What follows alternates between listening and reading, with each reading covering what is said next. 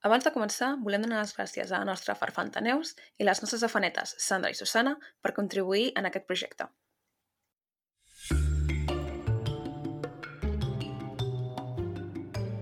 Benvinguts a Malandre Criminal, el podcast on comentem documentals de crims de la manera més cutre possible, perquè no sabem fer-ho millor. Jo sóc la Carla. Jo sóc la Marta. Jo sóc la Clara.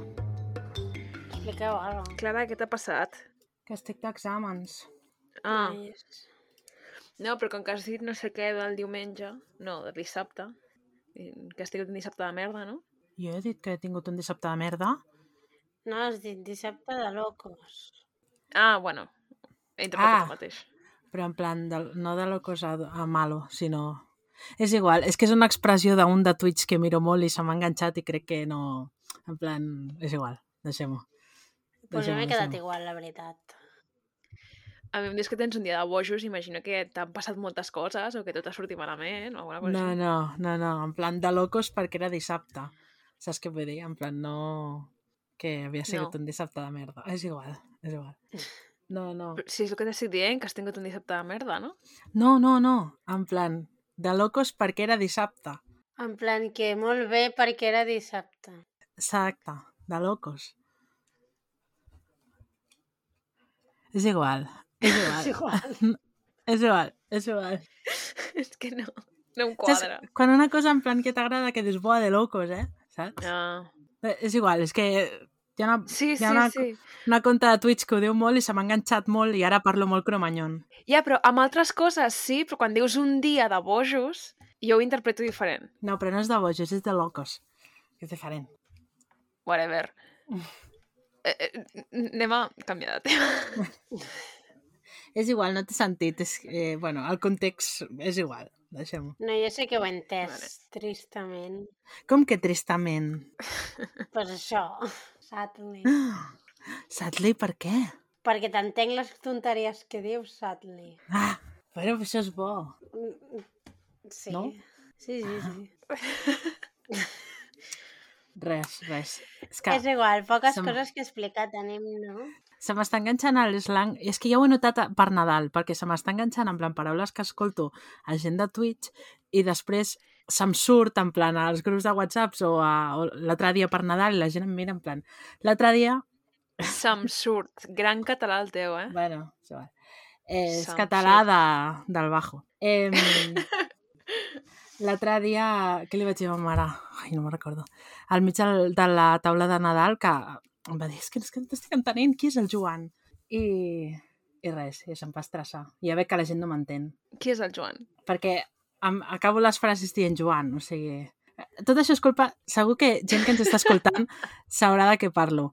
Del, de un streamer que es diu Gerard Romero i utilitza molt això d'en plan... És gravíssim, eh, Joan? Llavors jo ho dic un munt tota l'estona, allò de és Ai, el gravíssim, meu Joan. germà també ho diu, Clara. Veus? I llavors, pues, la, no sé, estàvem parlant per Nadal i no sé què li vaig dir, li vaig dir a ma mare, uf, és gravíssim, eh, Joan? I llavors es va estressar en plan, però què és el Joan? Què m'estàs dient, Clara? És que no estic entenent el que m'estàs dient. I ja veig que... no- Normal. Sí, sí. També ho diu molt el teu germà, perquè deu escoltar... Deu, deu veure Gigantes. No sé, jo sé que tot el dia escolta una cosa que es diu la sotana. No, la sotana no, no ho escolta. Aquest i el Mr. Satan. No, no, no, el Mr. Satan. Que no és per fer-li promo, però és molt pesat. Mr. Satan. Sí, parla de futbol, Marta. Parla de Sí. futbol, és Ah. interessant. M'havia emocionat. Sí, bueno, és vegano, però parla de futbol, que és com que mm, Ah. equilibra una mica Ah, bueno. ser guai i ser no guai, saps? Jo escolto Gigantes, llavors se m'ha enganxat com tot el que diuen, però en plan exagerat. Això no em sona. També tampoc, però bueno. Estic molt poc posada, eh? M'haig de posar més en el... Tu, el Gerard. Romero era de, un periodista de RAC1 i el van Mhm. xutar de RAC1. Llavors ha fet un canal de Twitch que es diu Gigantes, que parla sobretot al Barça, però en plan també d'altres I coses. per què es diu Gigantes? Perquè el, és que és llarg. El Koeman ho deia així, en plan Gigantes, llavors ho van fer així com de riure, saps? I Mm. ja s'ha quedat. El Quina nom de gràcia. Surt al cul. I sí, fa molta Molt gracieta. I tu t'has de futbol. Sí, sí, bueno, Marta. aviam, o sigui, el focus principal és el Barça, però també pensa que fan plan tipus 8 o 9 hores al dia de programa. Llavors, pues, hi ha altres, moltes altres coses que es parlen. No acabes de veure la meva cara quan has dit 8 o 9 hores. La gent es De deu futbol, guanyar la sí, vida, sí. no, amb el Twitch? Perquè si no, no entenc. En Sí, plan, sí. Hi ha gent que, que es passa com un munt d'hores al Twitch. Vull dir, igual hem, hem de canviar de canal, saps el que et vull dir? Però un segon, per passar-te 8 hores fent un live, jo és que... Jo ara mateix us tinc a una pantalla a vosaltres i a una altra pantalla estic veient un stream d'un videojoc, o sigui que no puc parlar gaire. Doncs deixa de mirar veritat. streams de videojocs i centra't en el que hem Para de mirar-ho, sí, No, ho tinc de fons. després... Us estic... Tinc una pantalla que us estic mirant a vosaltres i la pantalla de fons tinc un stream d'un videojoc que el tinc silenciat. en plan- Mirant-nos no ens pots estar mirant. Sí, estic veient Bueno. les zones. Quan la Carla i la Clara s'hagi passat mm, 25 minuts sense dir res, ja sabem per què és. sí. No, perquè home, clarament no, No. s'implica en això. I està No, mirant no, Twitch. Benvinguts a Malandrí Criminal, el podcast de la Marta i de la Carla. No. Multitasking. Et xutarem, eh, Clara? Oh, però és que clar, vull dir, feu els directes a les hores que altra gent fa directes, llavors haig de fer multitasking, Mm. que no em vull perdre el tema. És igual, anem a començar l'episodi, que és molt interessant. És una, un documental que es diu The Ken and Barbie Killers, que el vaig agafar pel títol perquè em feia gracieta. Després he pensat, hòstia, és mena de mierda, però... Doncs pues a mi m'ha agradat molt, Sí, el que passa que la història és com una mica sàdica, però en plan... Sí. però vull dir, és la gràcia, no? Vull dir, Ja, no sé. però no sé. Jo la coneixia, aquesta història. Jo no. No? És super famós, aquest cas. Pues jo tampoc, eh, Marta? Vull dir, tens problemes, eh? No el coneixíeu? No, no, la veritat que Jo no. sí que el coneixia. El que passa que mai me'n recordo dels seus noms. Per mi són la parella del Canadà que, que feia això. Sí que me'n recordaré, saps per què? Molt clar, els has escrit. No, perquè es diuen Pol i Carla. Perquè es diu Carla, No, perquè es diuen Pol i Carla. Que com el és, seu germà i ella. és que, Com el seu germà i ella. per, literal, o sigui... I són bessons, I són bas... mm, que és com més creepy el tema. Estava a mig episodi i de cop i volta me n'adono i dic, hòsties, Pol i Carla. Però bueno, també és veritat que Carla l'escriu amb K, que és la cosa més horrorosa que he vist en el món, i Pol l'escriu, bueno, en anglès, o sigui que anem a desassociar una mica. Està englanitzat. En fi, eh, aquest documental el trobareu doncs, a l'enllaç que us penjaré, suposo, perquè és d'una pàgina web que es diu Serial... Bueno, no sé si és la pàgina web o què, però es diu Serial Killers Documentaries i jo el tinc perquè la Marta el va pujar en, un, en, un, en el Drive. O sigui, No que era- tampoc sabria on es pot... No era el Dark Documentaries? No, era Serial Killer Documentaries. Tinc apuntat, aviam, espera. En comptes de clicar el link, l'he buscat directament i l'he vist des del Dark Documentaries. Ah, doncs pues, pues no, aviam. Espera't, ja Bueno, és igual. Serial Killer Documentaries. Que està a YouTube, ah, també. Perquè, és perquè la pàgina web es diu Serial... Ah, no es diu Dark Documentaries, però hi ha una part que es diu Serial Killer Documentary. Ah, un apartat, veus, veus? Sí. Bé, És que crec que aquella pàgina la vaig descobrir i vaig seleccionar tots els documentals que hi havia i els vaig pensar al nostre drive. Pues aquest vaig dir, mira, bona idea. És el que em vas passar uh, per WhatsApp. Sí. Sí.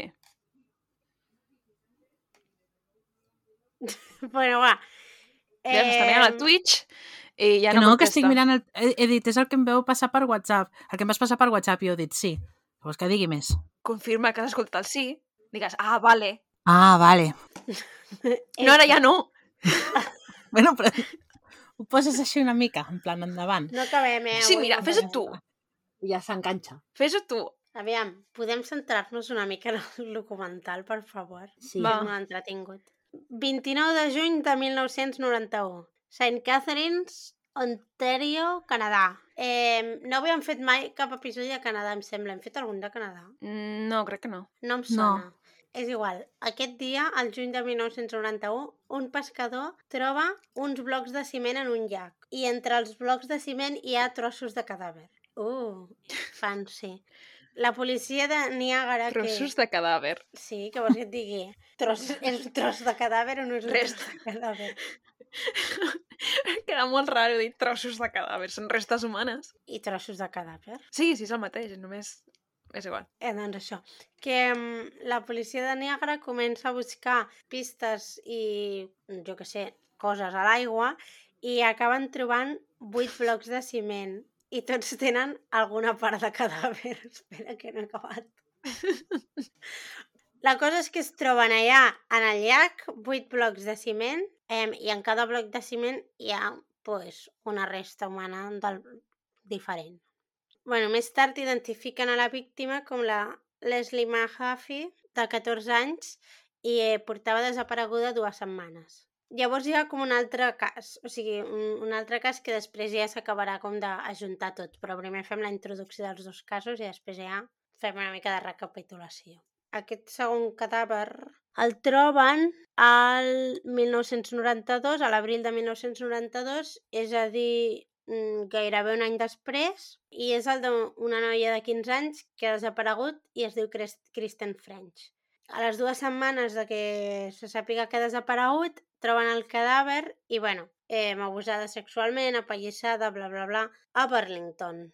La policia sospita que hi ha una connexió perquè aquests casos no són gaire comuns de trobar-los i menys tan seguit i a més a una la rapten a St. Catharines i la troben a Burlington i a l'altra al revés. I també pensen que és un assassí experimentat. Alguna cosa a dir? Home, de moment no. Realment en no. Plan, eh, Vale. pues presenta el cas, no? Clar que ja, aquest és el cas. Ara anem Ja, a ja, veure... però per això que no tinc res a portar, estàs presentant el cas, que ets a dir. Re. Anem a lo divertit, va. Vale. Doncs, el mateix dia que troben el cadàver de la Leslie, o sigui, la primera víctima, una parella jove es casa a 25 quilòmetres d'on troben el, cadà el cadàver. I la boda eh, Oh. és rotllo a saco, amb carro de cavalls i tota la història, saps? En plan com de pel·lícula. La parella d'enamorats són la Carla Homolka i el Paul Bernardo.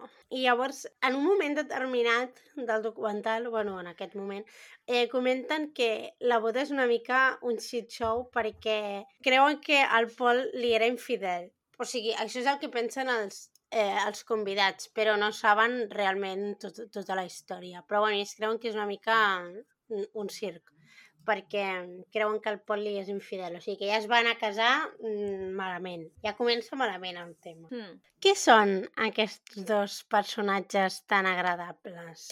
Doncs, quan es van conèixer, ella tenia 17 anys i estudiava i treballava en una botiga d'animals. bueno, estudiava a l'institut i treballava en una botiga d'animals. Ell tenia 23 anys i s'estava graduant de la Universitat de Toronto. Es van conèixer en un bar i aparentment va ser amor a primera vista. Els dos estaven molt enamorats. Ell estava enamorat d'ell perquè, bueno, perquè tenia 5 anys més, era guapo, era una mica més gran, en fi. I ell se suposa que estava enamorat d'ella perquè creia que ella faria qualsevol cosa per ell. I al començament de la relació, doncs ell la tracta superbé, la bombardeja allò amb amor i flors i, i històries d'aquestes. I al principi doncs, tot va estupendament bé, com totes les relacions que sempre comencen estupendament bé. Però molt ràpidament la relació s'intensifica molt. Llavors també expliquen que el Pol va tenir una infància una mica dura perquè la seva mare abusava psicològicament d'ell i amb 16 anys va descobrir que el seu pare eh, no era el seu pare biològic. Llavors ja, o sigui, perquè us aneu fent una mica una idea del personatge en qüestió. Quan era una mica més jove, espiava a les veïnes que s'estaven canviant, s'estaven posant el pijama o el que sigui, i va començar a desenvolupar com unes tendències sexuals una mica estranyes. Més que res doncs, perquè va desenvolupar com quings violents i denigrants i coses d'aquestes. Hmm. Red flag. Red flag eh, important. Però bueno, suposo que en aquell moment no ho sabia tampoc. La suposo. Però no parlen... O sigui, m'hagués agradat que haguessin endinsat una mica més en de la, el maltracte psicològic de la mare, perquè ho Ja. han dit així com... Molt per sobre. I dius... Mm, que haguessin puntualitzat una mica més exactament què li feia o què li passava. I literalment deu ser un dels principals motius pel qual ell és com és, saps? Suposem. Pot ser. Ajuda no ajudaria. No, no, probablement no. No sabem si ja va néixer una mica psicòpata, però no va ajudar a calmar-lo, no. Però bueno, el 1989 la Carla es gradua de l'institut i en aquell moment ja comença a haver com una mica de, de sensacions estranyes dins la relació, perquè ella diu que ha abusat verbalment d'ella, però Saps? Em dona, a mi em dona una sensació pel que diu el documental, que és una d'aquelles parelles que totes les estona estan barallant i tornant a perdonar-se i, saps, en plan una mica caòtic. Mm. O això és el que sembla. Molt tòxic. Sí, en general. Però bueno, que es veu que, vull dir, cap dels dos era una joia, eh? Un malament, però l'altre em sembla que tampoc era com per tirar coets, eh? Però bueno, allò que es barallen, no es barallen, ara sí, ara no, i el mateix any, el 89, li demana matrimoni. Fins aquí bé. Doncs, paral·lelament, al 1990, eh, es van donar diversos casos d'abusos sexuals i violacions per la zona on vivia el Pol. El violador, que no sabien qui era, se li va anomenar el violador d'Escarborough. Les noies, quan anaven a denunciar, el descrivien com un noi eh, jove i guapo. I també deien que els obligava a fer servir noms denigrants cap a elles mateixes, mentre es donava com l'episodi de la violació. Va una mica cort amb el king aquests violents i les coses aquestes estranyes que, que havia desenvolupat el noi. Mm -hmm. Llavors, la policia fa un perfil i mm, un retrat robot del violador d'Escarborough, que no saben que és el Pol, òbvies. I els amics del Pol el reconeixen i avisen a la policia, que també, vull dir, no sé com collons el reconeixen, perquè, sincerament, jo li trobo zero semblança entre el retrat No, no. i el... No s'assembla una bona castanya, eh? A què no? És que anava a Vull dir, dir- ja veuràs com la Marta em dirà que sí. Jo sí que li trobo semblança. Però en què l'has trobat, Clara? El nas, la forma del nas, els ulls...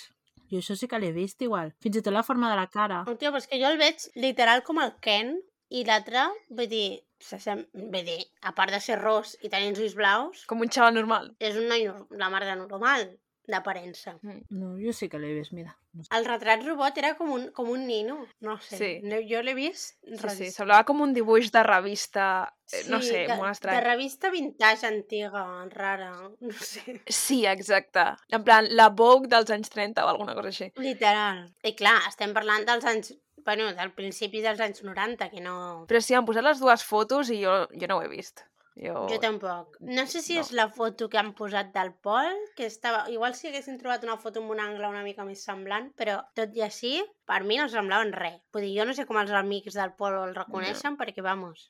Però el més, lo més fantàstic de tot això no és que no s'assembli. El més fantàstic és que els amics del Pol el reconeixin i avisin a la policia. Sí. Perquè... Què faríeu Quan- vosaltres? Eh... O sigui, ara surt un, un retrat robot meu, per exemple, i què faríeu? Em vendríeu? Sí, probablement sí. Dir tu a tu, en plan, esto que cojones es... Sí, és el que anava a dir. Preguntar-te tu, en plan, és eh, Marta, vull dir, literal, que és igual que tu. I llavors depèn del que diguis, però segurament sí. En plan... I a més sent tu, precisament, encara més. Ara! Ara, ja te l'ha colau. Toma. Que mala persona. Però és No, que no. també, si m'ho preguntéssiu a mi, què esperaríeu que us digués? Ah, sí, he matat jo aquesta No, persona. no sé, però... No, no sé, de la manera com reaccionaries... Clar. No sé, jo t'ho diria tu i llavors li diria... Bueno, li explicaria a ma mare, no anem a enganyar-nos, li diria a ma mare... Mama, mira, esto. Però clar, és que la mare de la Clara coneix a la Marta des de fa molt de temps. De tota la vida, que anàvem Però ma la mare jo li dic, mama, s'assembla a la Marta, i em diria, jo què sé, saps? En plan, mamà es quedaria igual. Sí, perquè ta mare m'ha vist tres vegades. Per això que... Sí, sí. Jo faria això. Mare meva. A mi em vendria la mare de la Clara més que la Clara. No, però sí que li preguntaria en plan, tia, mama, mira quin percal. A tu no t'assembla la Marta? I em diria, aviam, perquè em poso les ulleres. I, i aquí començaria. En fi, ja sé amb qui no confiar. Bueno, a mi segur que em vendríeu, vamos. Tu em vendries, Clara? Pregun jo et dic el mateix, et preguntaria i sí, Uau! jo crec que sí. Jo sabeu què faria? Si fóssiu una de vosaltres, li preguntaria a l'altra. Més que, Ja. en plan, si és la Carla, li preguntaria a la Clara. I si és la Clara, ho parlaria amb la Carla. És que el tema és que, en plan, t'estan acusant de coses molt fortes. Ja, no sé. Si realment tu creus que és aquesta persona, per molt amic que sigui, bé, al final, no sé, e- Mm. és, és lo correcte, no? Anar a la policia, si després no ho és, doncs no ho és. I com la policia tampoc et dirà, sí, mira, ha vingut la Clara i m'ha dit Sí, que... però després no, tal, no et saps? parlarà mai més a la vida, eh, si no és. No perquè no s'entera, no sap què sóc jo. Bueno, igual sí. Mm, No sé, no sé com funciona, però jo crec que la gent s'acaba enterant. I, I si ets tu, o sigui, em sabrà greu que no em parlis, però és que igual tampoc m'interessa a mi parlar, saps què vull dir? En plan, vull dir, si t'has si carregat a mil noies, pues Uau, potser no uau. m'interessa mantenir relació, no? no Ah, sé. ja. Vinga, no feu aquí les moralistes que faríeu el mateix. Per motius legals, this is a joke. Eh, no hem assassinat Sí, a sí, ningú. sí. Aquí no hem matat a ningú, Que jo sàpiga, que sapiguem. O no ens han enganxat. La qual... O no ens han també. enganxat. Un dia ens fotem el trullo, eh, nosaltres tres. En fi, per si de cas. Malandrí criminal en directe des de Cambrians. Mira, a mi si em posessin a Cambrians, em posaria a la UOC. Ah, pues sí, eh? Algo. Vull dir, jo, jo Ah, estudiaria que alguna sí? cosa, també. Un màster faria, ja posat. Mm. No, Per matar les hores. clar. És que tanta estona que La Marta fer. no, la UOC no, perquè no li agrada. Per què no, jo t'agrada és la que- UOC? Bueno, no m'agrada estudiar online, perquè no m'hi poso. Però, qui sap, potser si no tingués absolutament... No, no ho faria, encara que no tingués absolutament res més a fer. No tinc la Jo disciplina. llegiria molt. Llegiria moltíssim, vamos, tot el dia. Suposo. Probablement. Llegiríem la Bíblia. Sí, No, segur. la La Bíblia Bíblia, no. és el primer que triaria. Jo arribaria a la biblioteca i diria, ostres, esto, la Sagrada Bueno, Bíblia. com a llibre de ficció, sí. Podríem fer un, un club de lectura De la Bíblia. Sí, de la Bíblia. Bueno, Avui la Bíblia per la primera setmana. Sí, oh, joder, Marta, sí. com anem? Quantes pàgines té la Bíblia? Perquè en una setmana... Masses. Bueno, estem parlant de tota o només del Nou Testament? Perquè el Nou Testament, la Clara i jo el tenim per la mà, eh? No sé ni, ni, ni com va la Bíblia. Doncs pues hi ha dos testaments, hi ha dos volums, Bueno, això sí que ho sé. Però en plan, en general... Ha la història de Jesús i la preqüela. Ja està. I depèn de quina religió també s'agafa un llibre o l'altre, no? O no, no sé. bueno, per exemple, els jueus no tenen el Nou Testament, Això és el que volia dir. clar, perquè el, no reconeixen a Jesús com el Masies. Però mira, pel club de lectura podem fer primer la Bíblia, després no, el Coran. No. Bueno, ja posats, els fem tot. El llibre del Mormón, anem fent. Tenen Bíblia els jueus? El, no, els jueus tenen el primer testament. A l'antic, no el primer. A l'antic testament, madre mia. Bueno, A l'antic testament i al nou testament. Tenim l'antic dels jueus. Els cristians tenen els dos, l'antic i el nou, Hmm. i els mormons en tenen tres. L'antic, el nou i el tercer. El llibre dels mormons. Joder. I els de l'FLDS tenen... Que aquells són mormons. I els del Joseph Smith... Que aquells són els mormons, Però, Carla. en- és el del Joseph Smith o no? Clar, t'estàs an... Sí, són els animant massa. mormons, són tots els mateixos. El Joseph Ah. Smith i els FLDL i els mormons són els mateixos. Literal que no sé res de la Bíblia, però sé em, lo, del Joseph, lo del Joseph Smith i un munt de coses raríssimes. Però et lies, perquè no saps que el Joseph Smith i l'FLDS Sí, i els sí, mormons sí són el ho sé, mateix. però és que ara estic desentrenada, perquè fa molt de temps que no miro Escaping Polygamy. Te falta calle religiosa, Carla. Te falta calle. Literal, eh? Moltíssima, vamos. No me falta, és que l'habito activament. Jo he pres pràcticament tot el que sé dels mormons d'un musical que van fer els creadors de South Park. O sigui, que imagina't. The Book of Mormon. Com es diu? The Book of Mormon. Ah, Ah, boníssim. Escolta'l algun dia. Escolta, posa't el CD, Vale. el cast. El fan a London. vale. Sí.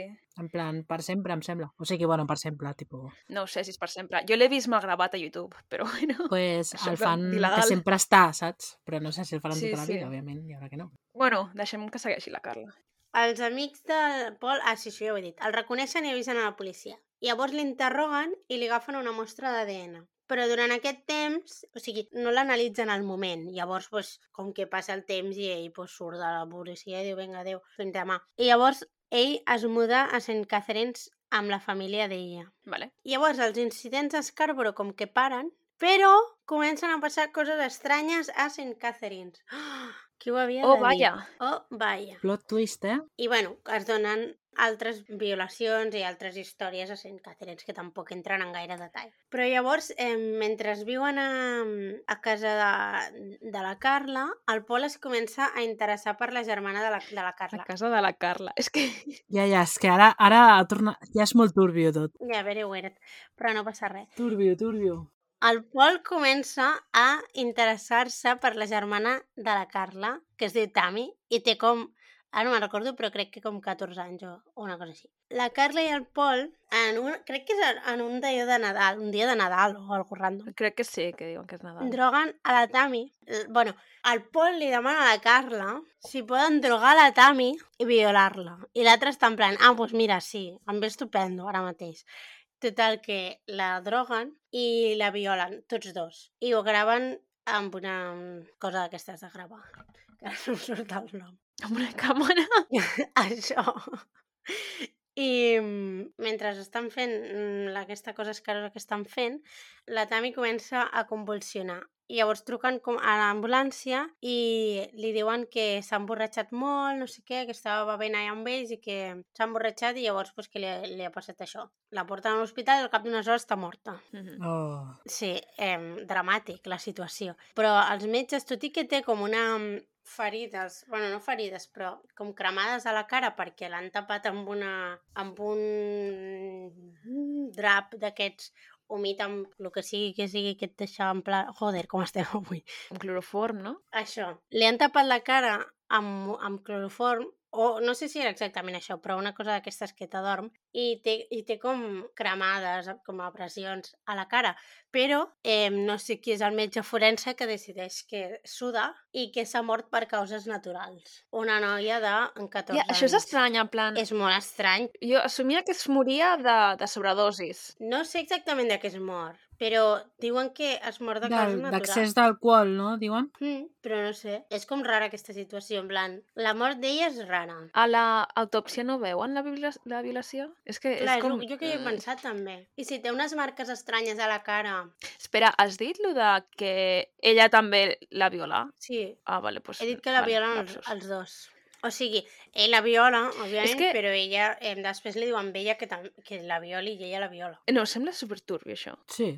En bueno, plan, tot en general, sí, sí. Em sembla la cosa més túrbia del ja planeta. és turbio que ella li ofereixi la seva germana petita perquè la violi, però que després ella mateixa violi a la seva germana. És com... És una cosa eh, horrorosa, sincerament. És el que més malament he passat de tot el documental. O sigui, estava en plan a punt de dir, mm, no.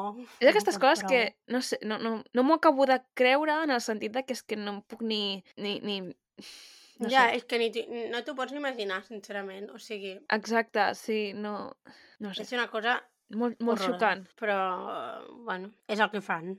I al cap d'un mes, o sigui, tot això, i ningú se n'adona de res, vull dir, òbviament, vull dir, es van, fan la seva vida, vull dir, s'ha mort la Tami i, i ja està. Llavors, segueixen bé la seva vida i al cap d'un mes es muden a una casa um, a Port de, de, Lucy, crec que es diu, ara no recordo com ho he dit, però a Port de Lucy. Del...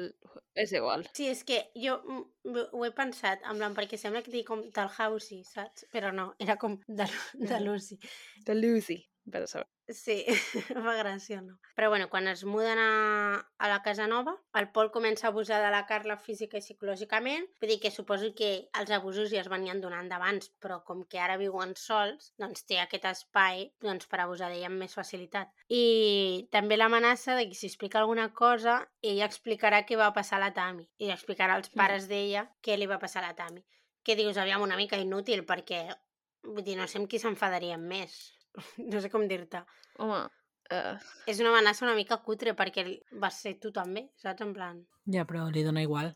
clar, a ell li dona igual el que, que els pares pensin d'ell, però ella amb els seus pares, en plan, seria totalment comprensible Ja. que els pares no volguessin saber res més d'ella, Hmm. saps? Bueno, no Ja. sé, potser no, perquè és la seva filla i whatever, Però a ell també l'anunciarien. Vull dir, al final... però crec que té més a veure amb arruïnar el vincle que tinguis tu amb els teus pares que no pas el fet de que anessin a presó els dos o el que sigui. També et dic que no sé quin tipus de vincles pot tenir aquesta dona amb els seus pares després de saber o sigui, el que li fa la seva germana, saps? O sigui, no sé com són els vincles exactament, perquè, vamos... En aquell moment Cristo. ells no ho saben. Ja, ja. Clar, el que hagi passat No, després. però igualment, vull dir, quin tipus de relació tens uh, amb la teva família si ets capaç de fer una cosa... Bueno, no sé, saps? Com formes relacions, perquè és una cosa una mica mm, túrbia. Fan com si res. Ja, Sí. ja, però dic que quina relació tindria ella d'abans, saps? O sigui, com forma relacions aquesta persona, perquè això no és normal. Ja, però aquest tipus de persones el que se'ls dona molt bé és fingir ser normals, saps? Ja. Llavors... Bueno, que no sé quin diagnòstic té aquesta dona, la veritat. Si ho diuen al documental no m'he quedat amb el diagnòstic, No, però, no, estem, estem parlant per parlar. però en general, vull dir, hi ha molta gent així que se dona molt bé fingir tenir relacions normals. I, i Mm. tu potser et penses que tens una relació totalment normal i que és una persona totalment normal i Ja. no sé, és complicat. Sí, sí, és igual, perquè ja l'estic donant les voltes. En fi, que llavors passem a l'any 1991, un any després de les violacions i tota la història, i dues setmanes abans de que es casin, el Paul apareix amb la Leslie, que era la primera víctima, no sé si us recordeu que al principi hem parlat de dues víctimes, doncs era la primera, la que troben amb els blocs de ciment, i apareix un dia a casa amb la, Le- amb la Leslie i se la vol quedar com a esclava sexual. Després de fer, de gravar les violacions i, que, i totes les coses que li fan, en menys de 24 hores ja l'han matat. O sigui, des de que la segresten fins que la maten doncs passen menys de 24 hores. Llavors posen les seves restes en els blocs de, de ciment i tota la història, bàsicament. I llavors, si no, si no sé si us en recordeu, que abans us he explicat que descobreixen el cadàver el dia de la, del casament d'aquests dos. O sigui, que sí. passen unes dues setmanes fins que descobreixen el cadàver. Llavors és en aquest moment, quan apareix el cadàver, que s'involucra amb l'FBI i més concretament l'agent Greg McCreary. L'FBI a Canadà? Sí, no diu l'FBI. És un ex-FBI, un ex-profiler. Ah. Ara, ara, ara que ho has dit m'he quedat una mica també, sí, no m'havia pensat.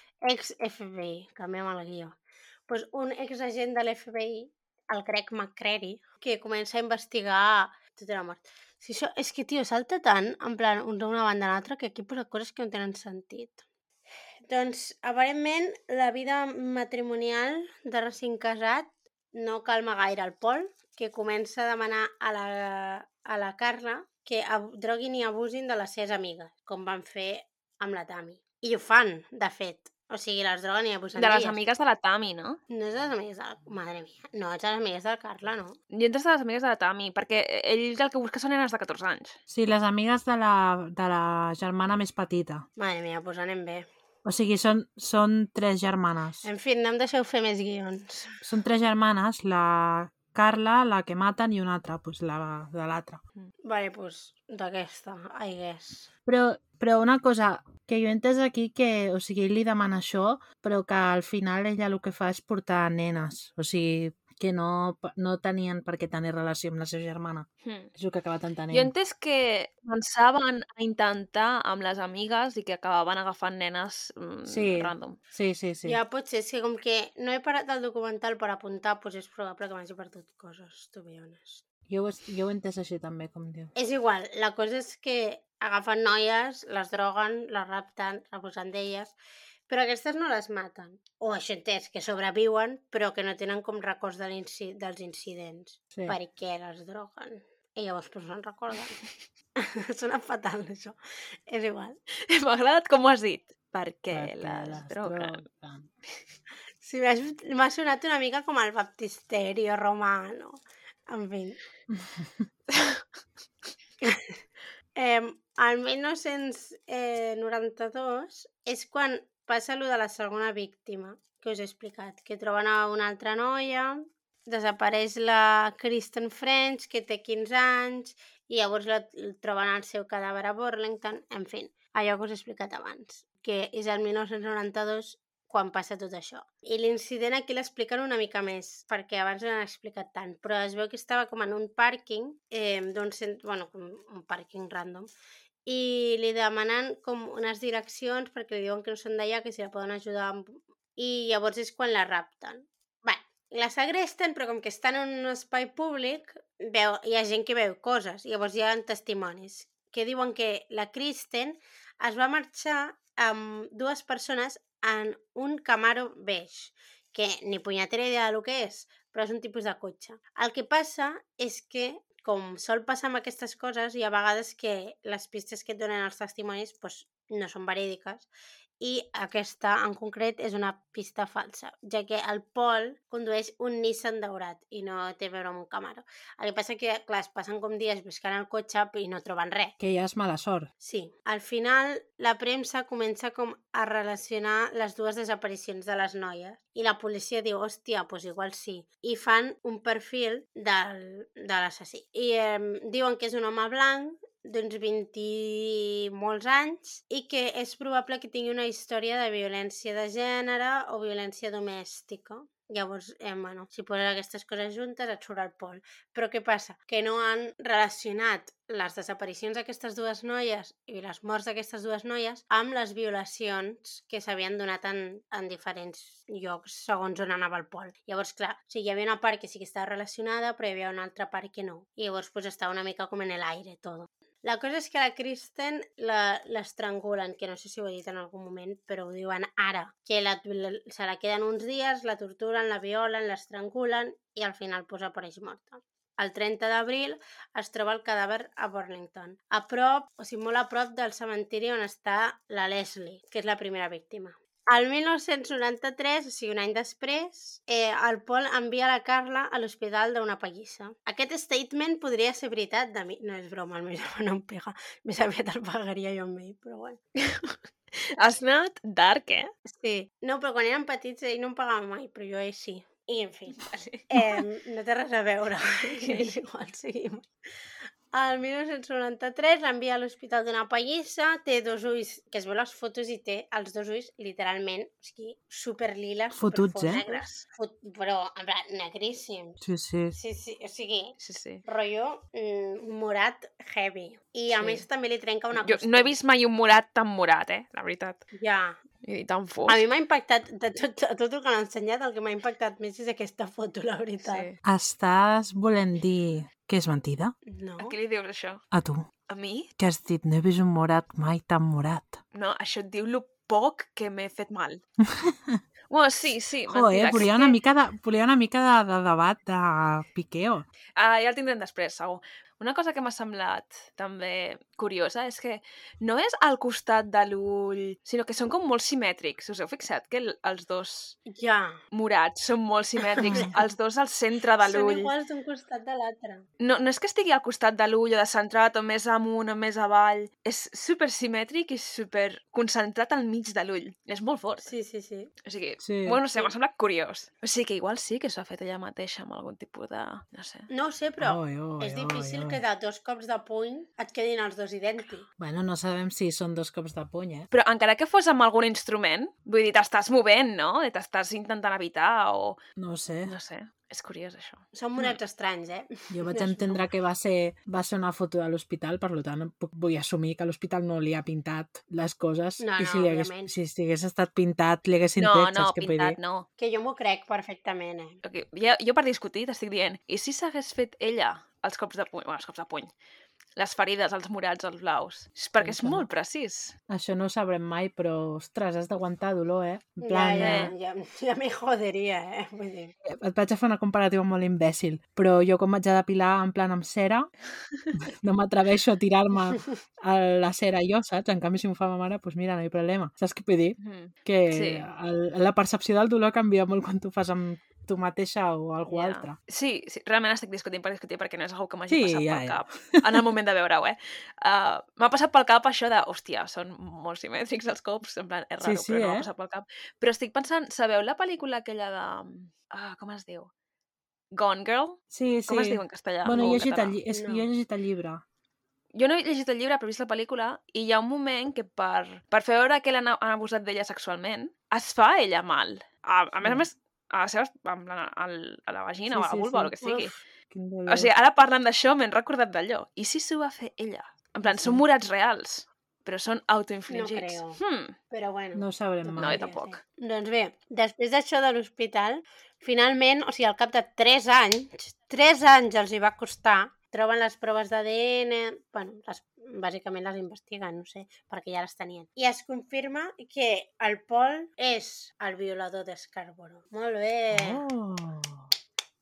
Tres anys els hi ha costat. O sigui, imagina't la de coses que s'haurien evitat si l'haguessin fet al moment. Però bueno, també comenten que el tema de l'ADN no és com, e- com era abans. O sigui, no és com és ara. Per molt que no és tan ràpid, 3 anys em sembla molt, eh? Tres anys és molt Sí. de temps. O sigui, és que podrien haver Sí. evitat molt de patiment, perquè si ho fan al 90, quan és el de les noies, per exemple, a la... cap de les dues noies que rapten i maten l'haguessin raptat i matat, saps? Mm. O sigui que, Sí, sí. literalment, aquí tenen un problema greu. 3 anys em sembla molt. Et pot, No sé. pot costar-te uns mesos, jo que sé. Posa molt. Però, Sí, uns mesos ho veuria normal. jo que sé, dos, tres mesos, raonable. Però tres anys Ja. és molt de temps. Llavors és aquí quan la policia eh, connecta els dos assassinats i totes les violacions. Que em sembla que al final diuen que augmenten com... Bueno, pugen fins a 14 violacions o coses així. Uf. Després de la, de la pallissa, la Carla se- se'n va i el, o sigui, se'n va de casa d'ells dos. I al mateix temps la policia es posa en contacte amb ella per parlar del Pol, perquè, han, bueno, perquè per lo que han trobat, doncs, volen parlar amb ella. I ella es pensava que li preguntarien sobre el tema de la païssa i la violència domèstica, etc etc. Però es veu que en aquest moment la policia ho gestiona com bastant bé, perquè no l'acusen directament de res, però eh, li deixen, com li deixen entreveure que ja saben el que ha passat. Llavors ella es posa com nerviosa. I, clar, després de parlar amb la policia, doncs ho confessa tot i, i tal, perquè ja sap que o sigui, ja sap que ho saben, i llavors diu, pues... llavors contracta un advocat. El que passa que no sé com confessa, no s'explica com confessa lo de, la, lo de la Tami. Sí, bueno, ella diu que ho ha fet ell, no? Tot. Sí. Clar, però també és tonta, perquè ho tenen tot gravat i és ella després qui diu lo de les cintes. Però bueno, ara arribarem, però... Però, Mm, però igual no, perquè igual ella sabia que aquestes cintes no estaven a dins de la casa, però ella diu que hi ha Mm. unes cintes a casa que ho prova. Jo dir, crec que ella sabia que no es trobarien les Clar. cintes. Sí, sí. Llavors, mentre no trobin les cintes, és molt més creïble la versió de el meu marit em maltracta i em va obligar a participar en aquestes coses, tot i que no vaig participar directament, simplement estava a la sala, perquè sap que... És molt més fàcil i molt més creïble que la parella d'ella ha violat a la seva germana que no que ella ha violat a la seva pròpia germana. No, ja, ja. No. Jo crec que és això, eh? que ella sabia que no trobarien les cintes. Sí, Però no sí, us faria por que les trobessin. Sí. Però igual ella sap que no les trobaràs. O sigui, Però és que tornem al mateix, Carla, aquesta gent no és gent normal, aquesta gent és molt segura de si mateixa Mm. i es creuen més llestos que ningú, i segur que estava convençudíssima que no trobarien les cintes. I a més, ell sab Ja, ja. ella sabia que estan desesperats per trobar el violador, llavors també la policia en aquest moment també pren decisions Sí, no, que no això hauria... clarament ho fa servir, ho fa servir al seu avantatge. Bueno, a mi és que em sembla molt intel·ligent el que fa ella. Sí. És una combinació de les dues coses. És que s'ho munta molt bé, ho fa de manera molt intel·ligent, i aquesta seguretat en si mateixa. Sí, juga molt bé les seves cartes. Sí, precisament és que juga amb la desesperació de la policia i és capaç de jugar amb la desesperació de la policia perquè té aquesta confiança de que Sí, sí. no trobaran les No, no. cintes, de que a ella no li passarà Clarament, res. qui tingués la confiança d'un psicòpata, eh? Clar. Sí, És sí. que- En fi. No em munten malament, noies. Sí, estem fatal. Eh, hauríem de ser psicòpates, no és broma. Sí. Ella diu, amb tot el seu dallonsis d'allò, diu, només declararà en contra d'ell si se li redueix a ella la condemna. Mhm. Total, que fa com una confessió total i llavors explica tot lo del, que el Pol li- la va obligar a fer tot allò i eh, ella mateixa diu que tenen les gravacions de tot. Llavors la policia és com que s'aferra a aquestes gravacions perquè a part d'això només tenen eh, la confessió de la Carla. Proves tenen poques.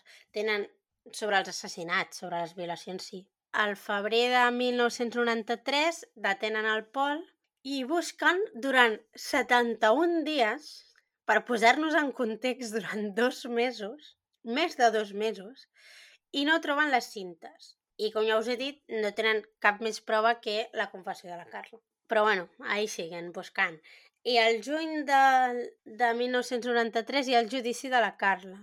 Però aquí passa com una cosa molt estranya, perquè suposo que per no deixar veure que han fet un pacte amb una persona com la Carla, que fet les coses que fet la Carla, doncs eh, els periodistes tenen com una restricció de publicació de dades. O sigui, només poden publicar certes coses, és a dir, la sentència, i poca cosa més. Jo això no ho he acabat d'entendre, perquè, vull dir, no és el més normal del món fer pactes amb criminals perquè confessin. Clar, però és un pacte bastant, bastant heavy, que després es veurà, però Bueno. és com... No sé, no sé fins a quin punt es fan pactes d'aquest tipus, perquè... No sé, però... o d'aquesta magnitud, perquè després tothom ho diu, saps? Que aquesta noia se n'ha anat en plan superbé. Sí, un cop se sap realment el que ha passat, però assumint que, que ella realment també és una víctima, que se l'ha obligat a participar en aquestes coses i que ha, ha confessat a tot, no?, i que els ha proporcionat l'autor, no sé. Si realment fos aquesta la història no em semblaria tan, tan descabellat a mi el tipus de pacte que té. Perquè no té immunitat, completament. No.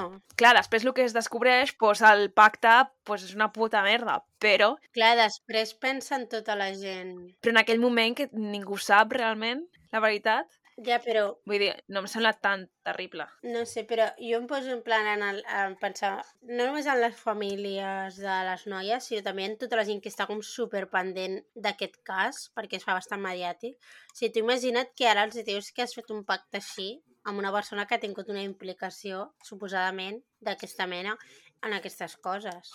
No sé, i després de tota la pressió que han tingut per solucionar els casos, suposo que no deuen, no els deu fer molta gràcia assumir això. Home, ja, per les famílies no. i pel públic en general mai és suficient justícia i és totalment comprensible, però sempre es fan, o sigui... Bueno, dic sempre es fan, però se sent molt aquest tipus de pactes amb assassins en sèrie perquè ens diguin on estan el resta de les víctimes, amb tal persona perquè delati una altra persona. Vull dir, és bastant Ja, no recurrent sé. el tema de, dels pactes. Però suposo que ho volen, ho volen amagar. O sigui, el problema és que és com una mica contraproduent, perquè llavors, perdó, llavors comencen com a donar-li més voltes, saps? O sigui, s'interessen més en plan, perquè això no és una cosa que passi normalment a Canadà. I llavors què passa? Que els periodistes, els periodistes en plan, estan en plan, i per què? Per què no puc publicar això? Saps? Llavors és com que van seguint tirant de, de, del fil, saps? Que llavors crec que al final és pitjor. Clar, li dones més bolo al Clar. tema. I, uh, I això. Doncs, al final, la sentència que li posen a la Carla... És que això no ho he entès gaire bé, eh? Però, bueno, és d'homicidi involuntari i entenc que hi ha com dues sentències de 12 anys, però no sé. Ah, jo entès que eren 12 anys en total. Sí, i per tentativa d'homicidi, és el que entès jo. Després he entès 12 anys en total, però en aquell moment he apuntat com dues sentències... Bueno, no sé. Eh, deuen ser com... De du... Deuen ser dos càrrecs, Sí, do... això és el que no va dir. Dos càrrecs, 12 anys en 12 total. anys. Sí. I llavors, eh, l'estratègia de l'advocat és una mica deixar-la com una dona maltractada que es veu obligada a participar d'aquestes atrocitats, per dir-ho d'alguna manera, però aquesta és com l'estratègia una mica, que en veritat té, té molt de sentit, vull dir, és una bona estratègia, jo crec. Però clar, llavors és el que diem, que la premsa comença a especular sobre l'acord amb la Carla i com que no els deixen publicar certes coses, doncs encara comencen a donar-li més voltes i més voltes i més voltes. I això, no sé si se sap, després suposo que es deu saber, però que en aquell moment no se sap, llavors pues, és com una mica un drama. I el 1995 eh, hi ha el judici del Pol, que ell es declara no culpable, o sigui, i no, no admet res, però bueno, durant el judici del Pol la Carla encara, o sigui, ja està a presó complint part de la seva condemna. Finalment troben les cintes i la versió de l'advocat de la Carla es desmunta una mica perquè la veuen participar molt activament amb els crims, però bueno, que ara ja està ja, saps? Amb l'any firmat l'acord, tampoc, pues, tampoc poden fer res, suposo. I el juny de 1995 eh, la Carla testifica en el judici del Pol. Ella alega que té síndrome de la dona maltractada, que és com una cosa que jo no coneixia, però aparentment existeix. Mm, jo tampoc. En plan, no, no han explicat... No sé, ho he buscat perquè no sabia... No entenia què era, però aparentment existeix. Vull dir... I què és? Espera, eh, que ho busco. Tu ho havies sentit, Clara? Eh, sí, però mm, no sabia que, que estava diagnosticat com a tal, saps? O sigui, jo entenc que hi ha dones maltractades, però és això. No sabia que existia com una síndrome. Sí, Saps? exacte. I es, es veu que és un concepte que s'utilitza en judicis de casos de dones maltractadas, que ho poso aquí a la pàgina web. El síndrome de la mujer maltratada es una propuesta de trastorno psicológico por el cual pasan aquellas mujeres que han sido víctimas de violencia de género. Bueno, suposo que no deu tenir molt, molt, molta més cosa. Bueno, però què, què implica, saps? Vull dir... Jo em pensava que es parlava més de d'un estrès posttraumàtic, coses així. O sigui, Clar. no sabia que hi havia un concepte en concret per a l'estrès psicològic. Ja, jo tampoc. Per això m'he quedat una mica... Clar, és el mateix el síndrome de la mujer maltractada si mates el teu maltractador que si mates una nena de 14 anys? Suposo que vull no. dir? Vull dir, no acabo d'entendre quin és... O si la idea és Però- la manipulació i... i vull dir, Però no, el síndrome no de acabo la dona maltractada, a què et refereixes? O sigui, Clar, és el que jo vull saber exactament. jo entenc que és... O sigui, sense haver llegit res, entenc que és que com lo de quan estàs captiva, que al final acabes una mica pues, fent el que et diu el teu captor, no? Sí, Pues en Com es diu sentit, això? Oh, com es Eh, diu? Estocolm, Estocolm, Estocolm, sí. sí. Aquí el que posa es que el síndr- este síndrome em, se le ha relacionado con el trastorno de estrés postraumático y en los últimos años ha ido adquiriendo mayor reconocimiento, especialmente en el ámbito judicial, sobre todo en casos en los que la mujer, tras años sufriendo malos tratos, ha asesinado a su marido o novio. Vale. No sé si us ajuda en algo. També, també hem de pensar que igual el concepte és diferent aquí que allà. Sí, o que ha evolucionat des de llavors. I que sí, i que és diferent el 2007 que ara. Jo ho classificava com a eh, estrès posttraumàtic o, Clar. o un estrès... O sigui, no, com es diu? Una malaltia no és. Un, un trastorn Un trastorn. eh, psíquic que ve arrel d'un abús. És que bàsicament és això, eh? No? Però està bé que hi hagi en plan... Clar, per, per exemple, lo, la situació de la Carla aquesta, no? Si realment fos així, jo ho associaria més amb un síndrome d'Estocolm de estic fent el que em diu el meu marit abusiu per una cosa més similar a un síndrome d'Estocolm, no? I no li hagués posat el Sí. nom aquest, però perquè tampoc el coneixia, saps? Llavors, però clar, Ja. el dir síndrome de la dona maltractada a mi em fa pensar més en això, en aquest... Sí, igual al Canadà s'entén més com un síndrome d'Estocolm o igual al 2007 es- era tot el mateix, no sé com dir-te, saps? Bueno, estem al Perquè- 95. O al El 95. 2007 ja. és quan va sortir el documental. Sí, vull dir, que pitjor m'ho poses. Que haurà canviat, saps? O, o ara se separen més una cosa d'una altra. Ho comenten, diuen lo del síndrome de la dona maltractada, però no expliquen què comporta o quins són Sí. les característiques Sí. d'aquest síndrome i m'he quedat una mica en plan, eh, ok, Uh -huh.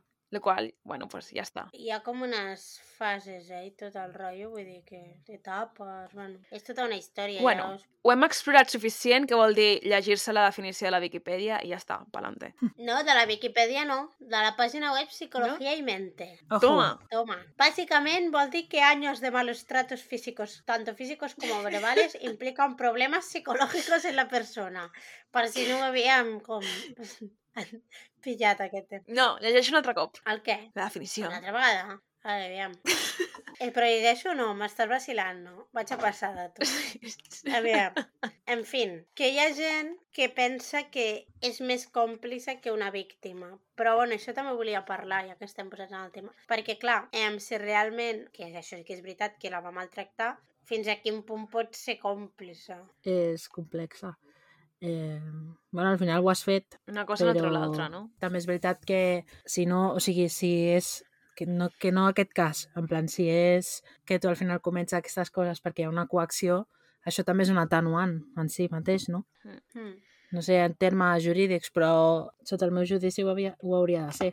Perquè al final no ets lliure de prendre les teves pròpies decisions, perquè hi ha una influència major. En aquest cas, no, però vull dir, sí, en general. Hi ha una cosa que a mi m'ha semblat interessant també, que no sé exactament què pensar-ne, i a veure què en penseu vosaltres, i és que algú en el documental comenta que realment ell havia violat, no?, abans, i amb regularitat, i Mm. tot el que tu vulguis, però que realment ell no havia matat fins que es va juntar amb ella. Llavors, És Com que qüestionen- Això també... realment, quin és el rol d'ella? O sigui, si va ser ell obligant-la amb ella o convencent-la amb ella, o va ser ella que utilitzant el seu, les seves ganes de violar la va, el va convèncer per cometre els crims. Llavors, és com una cosa que m'ha quedat una mica en plan... Uh, Però No sé què pensar. és una opció, però també una altra opció podria ser, si donem per fet que la mort de la germana és accidental en el sentit que no era la seva intenció matar-la, sinó només violar-la, també pot ser que arrel d'aquesta mort se, se li hagi despertat, o sigui, que trobi que també és un thrill, no sé com es diu, en plan, que, que l'excita matar les persones. Mm, No ho sé. O sigui, que, que el, el seu despertar criminal, en el sentit de matar la gent, comenci arrel de la mort de la germana. Si parlem de suposicions, perquè també és veritat que, que o sigui, pel que s'explica al documental, no mata, no?, totes les noies. És només a unes en concret. Mm. Sí, però jo penso que també ens falta una mica de background, de, perquè d'ells sí que ens expliquen coses, però d'ella no. I en tot el documental és com que insinuen que ella tampoc és... Eh, saps? O sigui, no és una santa, No. tampoc. Que és com una... que eren tal per a qual una mica, però tampoc ens expliquen per què. Ens expliquen més coses de... Bueno, en molt, molt per sobre, perquè només ens expliquen pues, lo de la seva infància i les seves coses, però d'ella no ens expliquen res, saps? D'aquest tipus. Llavors, Mm. clar, per què insinues durant tot el documental que ella també era una perla i no ens expliques per què, saps? Jo no ho he entès així. Jo he entès que arrel de conèixer-la ell, és quan comencen aquestes actituds estranyes, però que abans de... O sigui, fins als 17 anys no, no passava res, saps què vull dir? No sé. Qui no et diu que per molt que no presentés actituds... Mm, Sí, no sé, però- Digue-li sí, com vulgui, sí. que no hi hagués Sí. alguna allà i que hagués Però això que dieu de que cosa. ella era una perla i tal, jo no ho he interpretat així. Jo interpreto que arrel de, de tenir aquesta parella és quan es converteix així, que no vol dir que no hagi sigut així tota la seva vida, sinó que, que el que, és que em surt en anglès, el que la fa eh, tenir aquest tipus de conductes és, o sigui, ve arrel de la influència de- d'estar amb ell, no? Ja no sé, però jo perquè diuen... O sigui, quan es coneixen, eh, se suposa, bueno, en el bar i tot el rotllo, eh, en el documental diuen que semblava com a match made in heaven, però a match made in hell, no sé què, i comencen a dir com coses d'aquest tipus durant el documental, però no sé, tampoc és... O sigui, per què? Perquè ella li diu que és... No sé, no, no entenc aquesta part exactament, saps? Igual, Carl, eh, Clara, tornant a això que tu deies, potser no és tant el fet de que comencés el tema quan es va juntar amb ell, sinó que el fet de juntar-se amb ell li dona la llibertat per fer aquest tipus de coses. La paraula que buscava és trigger, en plan, Sí. que, o sigui, que el fet que estigui amb ell és el que catalitza aquest tipus de comportaments, però que anteriorment a ell Mm. això no, no havia mostrat aquest tipus d'actitud. I això és el que entenc pel documental, que no vol dir que la culpa sigui d'ell, sinó que és arrel d'estar una persona així que, eh, Sí. diguem que els, jo entenc que els dos com se retroalimenten, no? Sí. Jo és el que he entès. Sí, sí, sí. Però crec que la Carla té raó en el fet de que no ens donen un background de possibles Mm. mm, situacions en la vida d'ella que hagin o no pogut... sé. Mm. Sí. I tampoc et diuen res que ens indiqui totalment el contrari. No et diu era un estudiant de 10 o no havia trencat un plat a la seva no, és vida. no Però tampoc res. et diuen era una nena adolescent rebel, o havia tingut problemes a l'escola, o havien abusat d'ella de petita, no expliquen res, saps? Expliquen que tenia una infància normal, que era una persona popular, és, o sigui, Bueno, d'una família sobre. normal, sí, vale. Però vull dir, podrien dir el mateix de tu, saps? Una nena d'una família pues, normal i... Sí, sí, no, clar. Però com Per mi, o sigui, clar, en el moment de que et prestes a que violen a la teva germana, molt bé, no has d'estar. O sigui, això està clar, no? No. Però sí, sí que... que o sigui, tota l'estona ho enfoquen com que ell la va influenciar i que ell, ella al principi feia coses que no faria, o sigui, només les feia perquè estava ell, i això sí que és un comportament molt normal de- d'un d'un tipus de relació abusiva.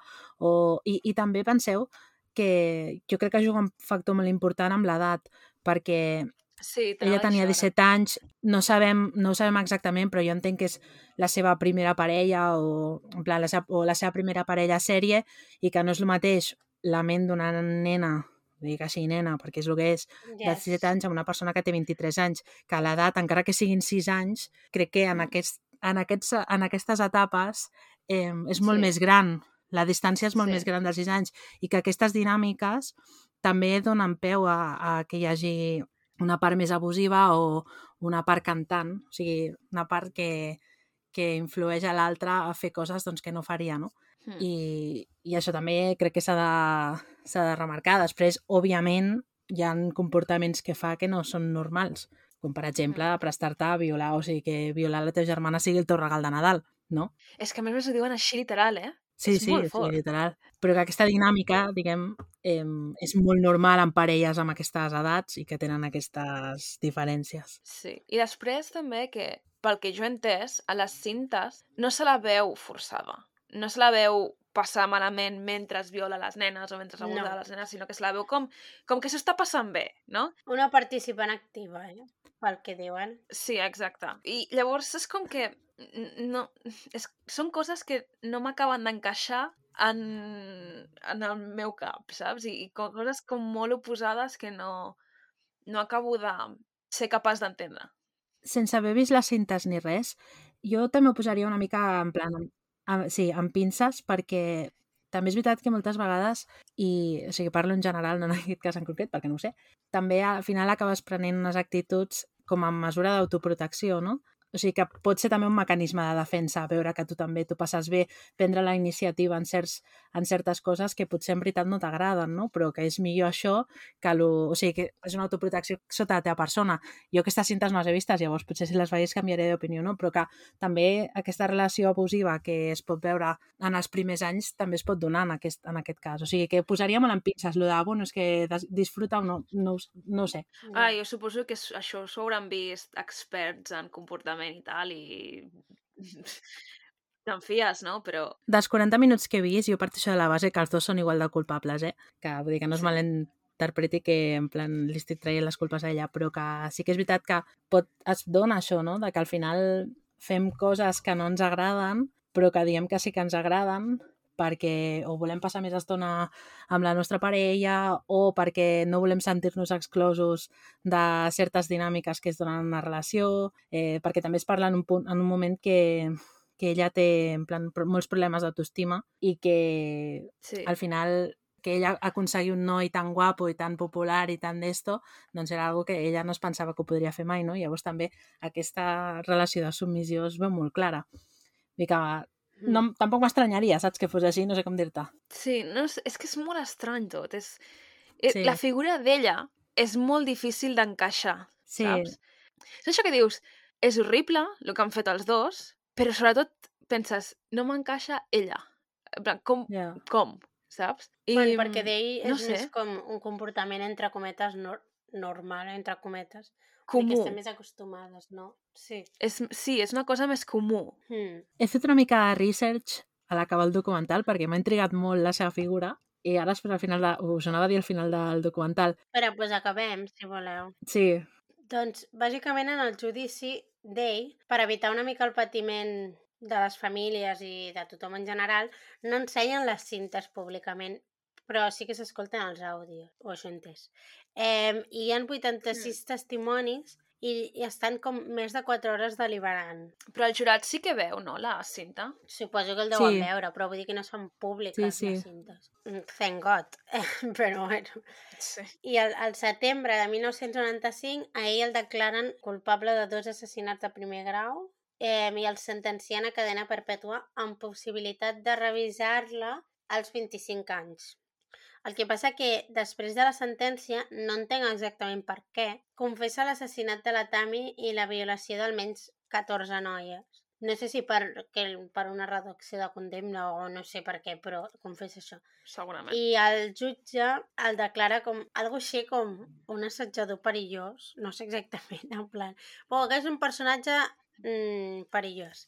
Turbi. I llavors, doncs, depredador sexual. Això, per aquest motiu, és probable que passi com la resta de la seva vida a la presó. Degut mm. a aquest cas i als errors de la policia per trobar el Pol quan va passar lo de les violacions, Canadà ha implementat com noves mesures per rastrejar assetjadors i aquest tipus de, de delinqüents. Però bueno, al final expliquen que el 2005 la Carla surt de la presó i se'n va viure a Montreal perquè no pot tornar al seu poble on vivia i el 2007 va tenir un fill. I ja està, fins aquí ha arribat. Mm. Abans de posar-nos a parlar d'ella, jo l'he buscat també amb ell, a veure què havia passat amb ell.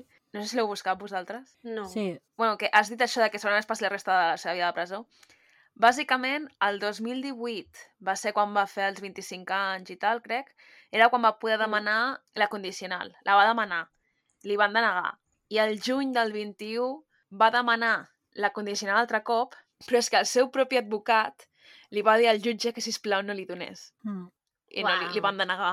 Mm. O sigui, el mateix, no sé si advocat o el, qui fos que porti el cas d'ell, no? no sé si és um, agent social o el que sigui, va dir que, que no, que, que no. I el jutge va dir, pues no, que pues nada. Please don't. Sí, i llavors li han denegat dues vegades la condicional i segueix a presó. Wow. I ara anem a parlar d'ella, perquè ella, eh, no sé... Jo l'he buscat i he entrat al a la deep web del meravellós món de Facebook. Eh, buscant... Com t'hagis ficat al grup de Facebook de pares del col·le aquell? No, m'he posat no, al grup de Facebook de Watching Carla Homolka, que bàsicament és en plan la penya que s'ha organitzat per buscar-la per Canadà per avisar en plan, està aquí, està allà, ¿vale?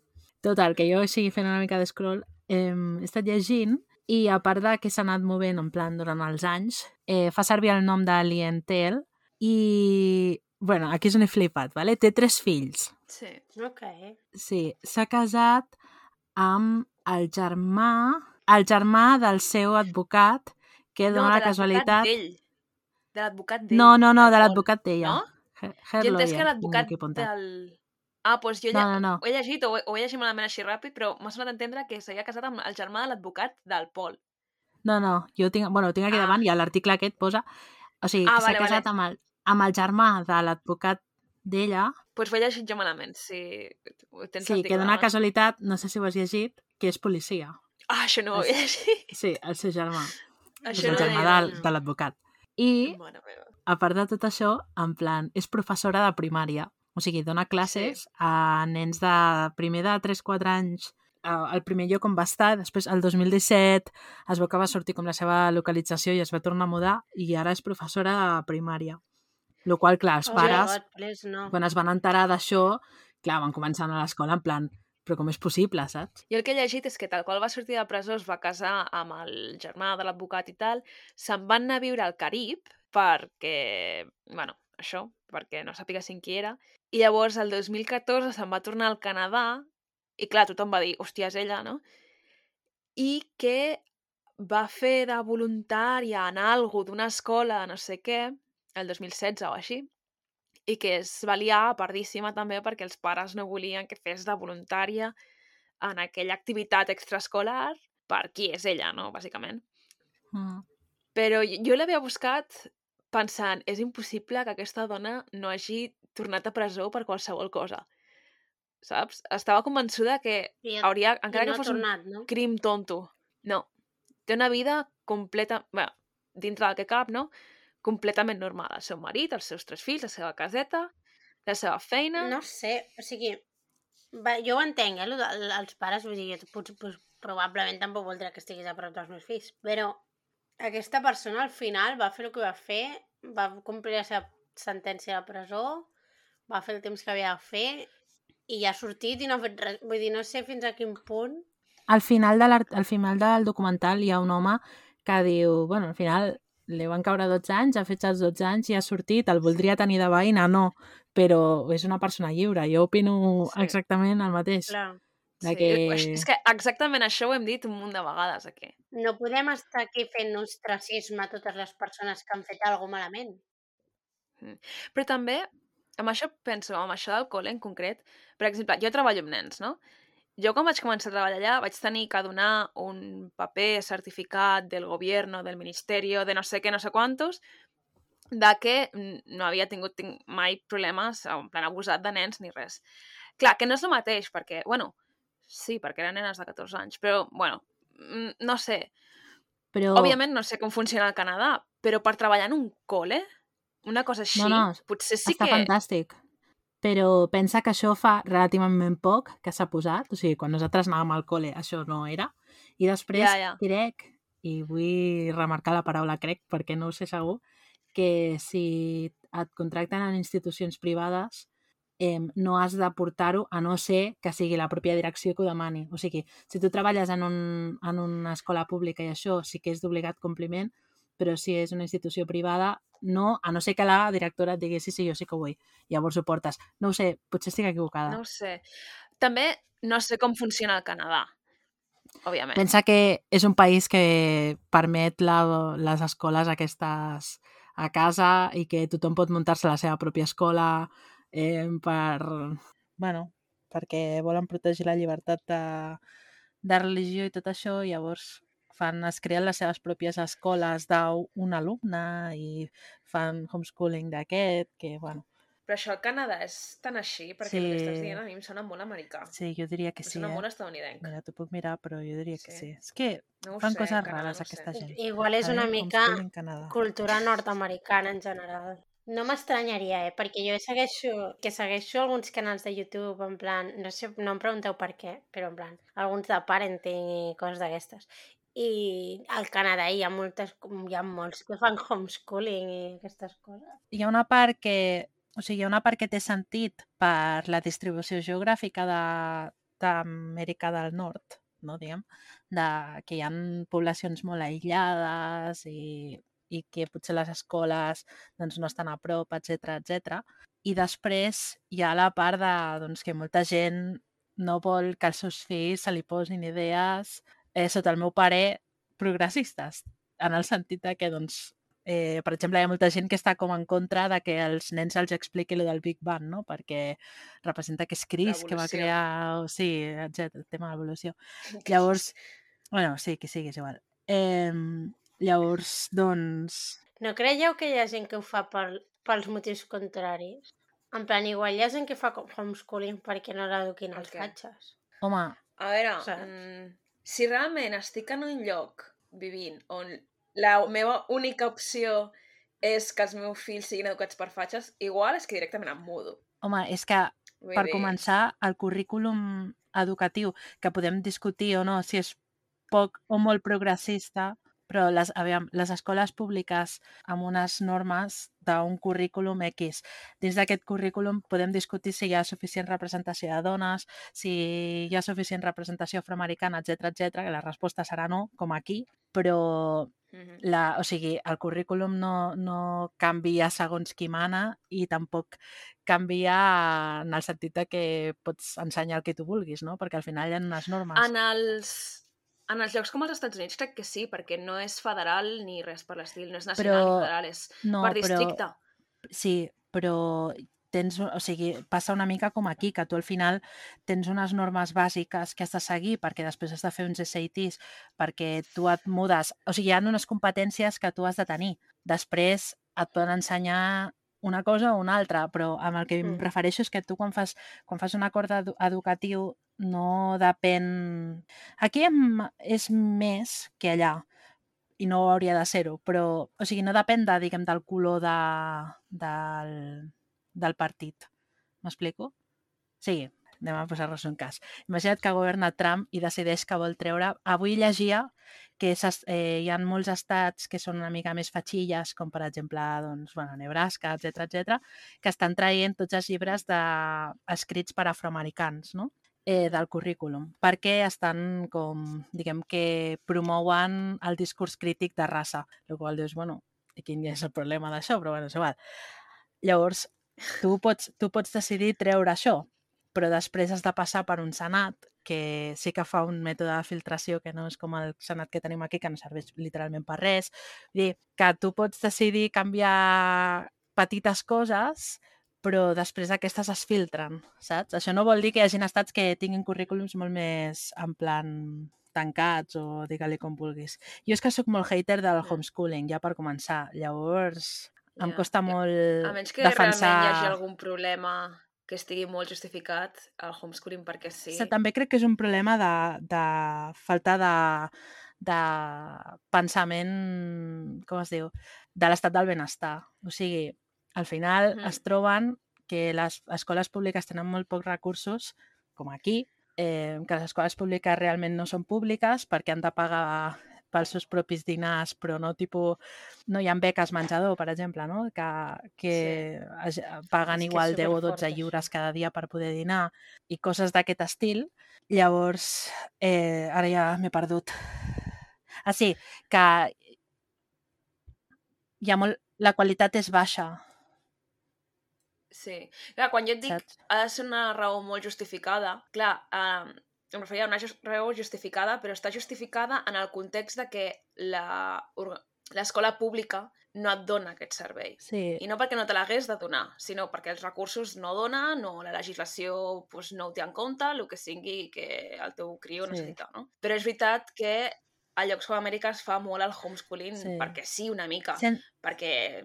Bueno, per voler protegir els teus fills, eh, perquè hi ha moltes persones que creuen en una educació alternativa i tal, el qual vull dir, no, no és una crítica, però també crec que s'ha de tenir en compte que els nens necessiten relacionar-se amb nens i, i que potser estar de, a casa i que t'ensenya la teva mare no és la millor, no sé, Vaja, jo, és, és, una, és una responsabilitat molt gran, no? Encarregar-te de l'educació del teu fill sense saber. Jo no sé que en plan, no estic ni a favor ni en contra del homeschooling, eh, en general. Vull dir, no sé, no, tampoc sé tant compartir una opinió, però però també he vist molta gent en plan fent homeschooling i, i tot això dic basant la meva experiència en YouTube, eh, bàsicament.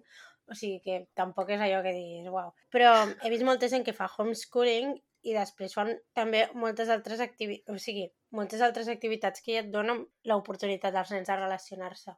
Que igual no és com el millor del món, jo que sé, però que tam... vull dir que no és tot que es passin tot el dia a casa, saps? No, no, òbviament no. Si no, tindríem un problema, però tampoc ho trobo ni justificat ni normal. Ni, ni que crec que sigui el millor per un nen, per al benefici d'un nen, ni pel benefici dels pares, eh? O sigui... Però ja et dic, si hi ha alguna persona que ens està escoltant que arguments Però a favor... és un fenomen bastant cultural, jo crec. És un fenomen de falta de, de, per mi, molt individualista i de falta de, de context, o sigui, d'estil social i de de d'entendre el país com una comunitat, no sé com dir-te. Perquè al final, si tu trobes... aquí també hi ha pobles que estan aïllats i que igual tenen un nen i que igual tenen a dos. El que s'ha de fer quan hi ha coses així és dotar de serveis públics a aquestes persones perquè puguin anar a una escola. O sigui, no privar-li el dret a anar a una escola amb aquest nen. Allà el, la concepció és diferent. De, bueno, al final, si hi ha un nen que està en un poble de 100 persones o de, i no té escoles, a més de pensar, bueno, doncs posem un bus perquè aquest nen pugui anar a l'escola o posem una escola o X, se li dona la responsabilitat als pares, no? I a mi és aquí és on falla aquesta, aquesta idea. També ens hem anat una mica bastant del tema, eh? però bueno. També, sí, us anava a dir, una, ens estem, estem parlant molt dels Estats Units quan estàvem parlant del Canadà i clarament no tenim suficient idea de com funcionen les coses al Canadà. Sí, que sí, que jo ho he mirat. Dos, en cap moment estàvem parlant de nens a l'escola. Mira, mira, Estàvem parlant d'una senyora... que jo ho he mirat. M'és igual ja, Clara, Joder. ja, ja no ve el tema. Estàvem parlant d'una senyora Llibertat d'expressió, que freedom of speech. va anar a presó i al sortir... Calla ja. Va anar a presó i quan va sortir va tenir problemes i un dels lius que va tenir ha sigut això, que feia coses en l'escola perquè era profe o Ah, voluntari o no sí, sé què, sí, hòsties. és veritat. Vull dir, ens estem desviant molt del tema perquè no va de... No som un podcast d'educació infantil. Jo deixaria aquí, Eh, que és el meu episodi. Després em diu que no parlo. És que... Com que és el meu episodi, anem a decidir eh, quin emoji, quin emoji demanem. Podem demanar... Quin emoji demanem? Una, una escola. Què demanaríeu? Una escola. no, Ja- no, no. No, no, una escola no. Mm, Jo demanaria els que són Eh, un home i una dona agafadets de la mà perquè són el Ken i la Barbie. vinga, No i una Sí. noia. Si poden ser rossos, millor. aviam si ens entenen.